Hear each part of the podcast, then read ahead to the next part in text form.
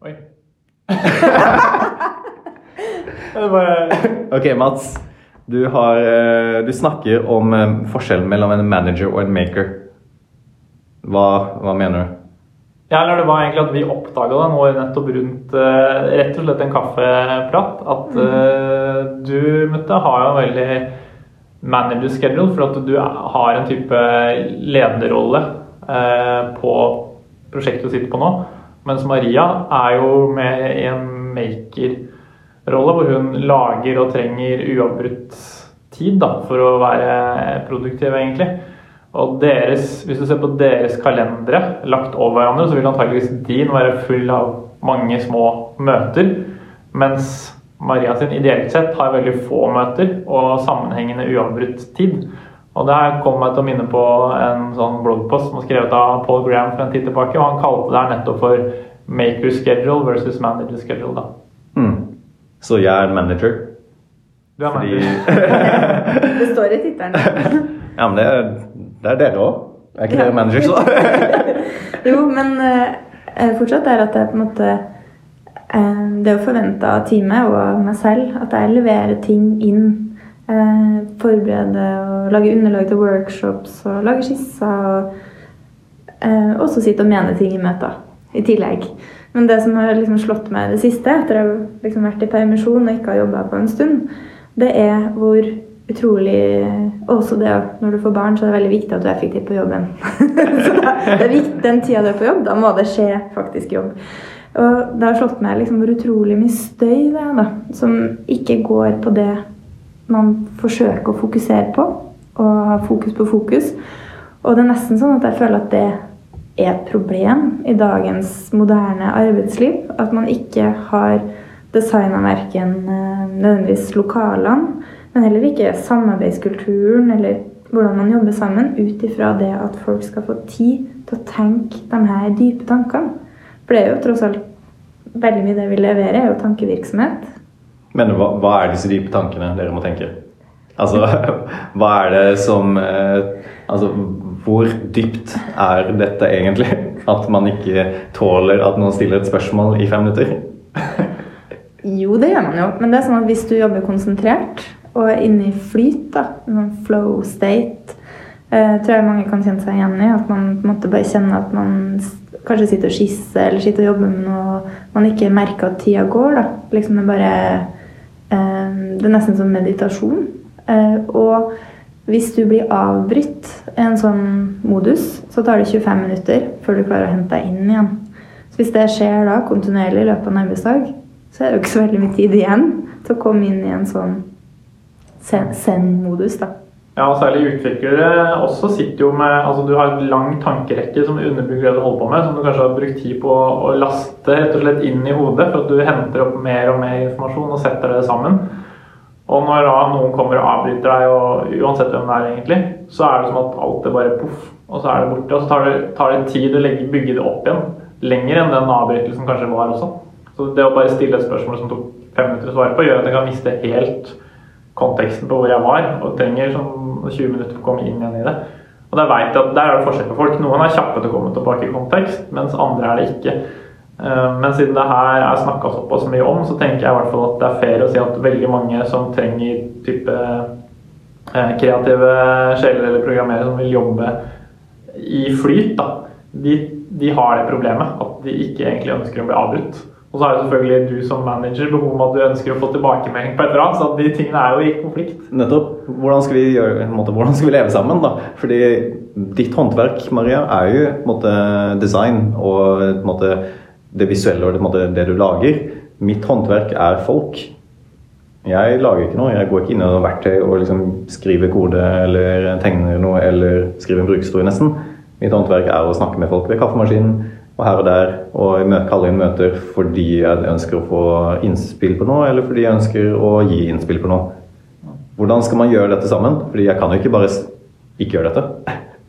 Nei, det er jo noen som innfører ofte tidlig, før, tidlig på dagen, før lunsj, har liksom sånn tid som er eh, der man helst ikke skal booke møter og litt sånn ja, fokustid da, for et team. Eh, jeg har ikke jobba i et sånt team, men jeg vet om andre som har gjort det. Som man rett og slett sier i den tida, så skal man ikke få avbrytelser fra midt ved kaffemaskina. Men eh, altså man vil jo ha den samhandlinga òg. Man snakker jo veldig mye om hvordan man skal få til godt samarbeid også. Og man trenger jo å dele ting kontinuerlig. Og noen team bruker jo f.eks. god gammeldags standup. Liksom. Er det gammeldags nå? Nei! vi gjør det jo hver dag. Da har vi gjort det lenge, da. Så det er tydeligvis kanskje noe som funker. Og så av og til har man noen større arbeidsmøter eller Og de er jo utrolig viktige, de her uformelle pratene. Vi skal jo ikke sitte låst innafor hver vår. Men jeg tror bare det, det, er et eller annet med hele bildet da, av det livet vi lever i dag, som Altså Man har jo forskning som viser at måten vi leser på, har endra seg betraktelig etter at vi begynte å lese så mye digitalt. Mm. Der man på en måte Før, når man satte seg ned med en bok, der har man også forskning på at det å skrive for hånd er jo helt annerledes enn å eh, skrive med tastatur. Eh, så, men liksom Måten vi jobber på og bruker hodene våre, former, tror jeg, også vår evne til å tenke. Så det her med åpne kontorlandskap og den måten vi på, er jo egentlig ganske nytt. Så jeg har alltid følt litt sånn bli, Nå er det litt sånn satt på spissen, altså, men var jeg egentlig smartere før? Jeg satt på lesesalen med matteboka mi og satt med den her eh, ja, algebra eller hva som helst, og liksom kunne virkelig fokusere da, på å lære meg en ting. Men så er det sånn bing, bong, bong, oi, inn i trellebordet der, og den e-posten der. Eh, multitasking, da. Jeg har jo sagt at det egentlig ikke faktisk er så godt i stand til. Men eh, for mange år siden, da jeg måte, begynte å Eller ok, bakgrunnen bak dette var at jeg begynte jo som en UX-designer og tegna skjermbilder osv. Og skrev brukerhistorier og gjorde innsikt og sånn. Alt det. Uh, og jeg husker da jeg, først, fikk min første sånn pulsklokke-ish-ting, som målte hvor lenge det gikk mellom hver gang jeg reiste meg opp for å gå og gjøre noe, så husker jeg at uh, gjennomsnitt, eller makslengden på sittende tid, hvor jeg satt ved pulten, løpet av en arbeidsdag var 20 minutter. Mens jeg var en UX-designer som hadde et håndverk. Og var fordi jeg eh, kan godt hende jeg kan sitte lenger og prøve på noe, men i løpet av den det, ikke, det, skulle ikke så mye tid før du var usikker på noe. Og da måtte gå og snakke med en eller annen eh, fagperson, en eller annen utvikler, en eller annen produkteier, en eller annen person, før, i stedet for å ta en antakelse og så komme tilbake til dette. Så jeg tror at Og når jeg snakket med andre kolleger om dette, så var egentlig holdningen eller måte, beskjeden jeg fikk tilbake, var eh, multitasking er noe du bare må lære. Det er jo, men det er jo bevist feil. Altså sånn, Multitasking er bevist mindre Altså det er ineffektivt. Og det er en veldig enkel øvelse. Burde faktisk gjort det en gang òg. Eh, som man kan gjøre på papir, som bare beviser det her eh, at multitasking ikke er så effektivt som du tror. da. Og hodet vårt er ikke lagd for å multitaske. Så jeg er veldig enig med Maria. og jeg tenker at Det er noe fundamentalt feil med måten arbeidsmiljøet vårt har blitt på når noen er sånn de må komme på jobb to timer før, eller de sitter to timer over, for det er da de får gjort ting. Altså, Da er det noe gærent. Og så vet jeg at de som er eh, type man manager eller ledere, da, altså det, dere opplever at dere får gjort ting ved å preike, at, og det gjør dere også. Men det blir ikke noe produkt av å bare preike. Man må også lage det. Så liksom, begge deler er verdifullt, og så må man lage tid hvor man kan få til begge deler. Da. Så en måte å gjøre det på er jo nettopp, som Maria var litt inne på, du kan, du kan eh, f.eks. si at uh, før lunsj eller før klokka tolv, da er det uavbrutt. Da er det liksom fokustid. Da er det egentlig ikke lov til å kalle inn til møter, og det er ikke lov til å komme og avbryte med spørsmål, med mindre det skikkelig brenner på dass. Og så kan man heller legge møter til etter lunsj, f.eks. Det, det er én mulighet, eller gjøre omvendt. selvfølgelig å ta At alle møtene er på én dag i uka, eller prøve å få til det. Og det, jo, det vet jeg at managers kanskje ikke er så fan av. Eh, men jeg tror mye handler om at veldig mange av de spørsmålene vi hele tiden skal stille og avbryte med, er jo ikke ting som sånn egentlig haster. Så jeg, jeg tror at liksom folk Det med Slack har for meg blitt veldig sånn, for mange en uting. For at terskelen har blitt så lav for å stille et spørsmål at det på en måte har blitt greit å avbryte noen hele tida. Men det, der, det er en kjepphest jeg vil ta opp. da, er at eh, For mange år tilbake, før vi hadde Slack, så var det e-post. Og det, Du sendte en mail, og så var det ikke en forventning om at du skulle få svar. Middelbart. Middelbart, ikke sant? Og hvis du ville ha svar på noe umiddelbart, så ringte du noen. I dag så har vi mail, som er for offisiell kommunikasjon, har jeg oppfattet mye av. Og så har vi Slack, som er for litt sånn uh, umiddelbar samtale. på en måte. Du kan så godt sitte ved siden av noen og slacke i stedet for å snakke med dem. Og så har vi telefon.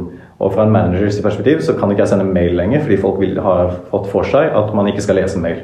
Det skal man slutte med, fordi mail er gammeldags. Og jeg kan ikke ringe folk lenger, fordi folk tar telefonen. Fordi det er også en sånn greie med at folk har telefonvegring og nekter å telle telefonen. Og Slack jeg driver folk og muter hele tiden. Så hvordan i verden skal jeg snakke med folk? da? Det ender opp med at jeg må gå og pirke folk på skulderen, fordi folk sjekker ikke kalenderen, folk sjekker ikke mail, folk sjekker ikke Slack, eller har muta Slack, og folk tar ikke telefonen. Kanskje du bør ta et hint? Faen, ass. Det var jeg som er blokka.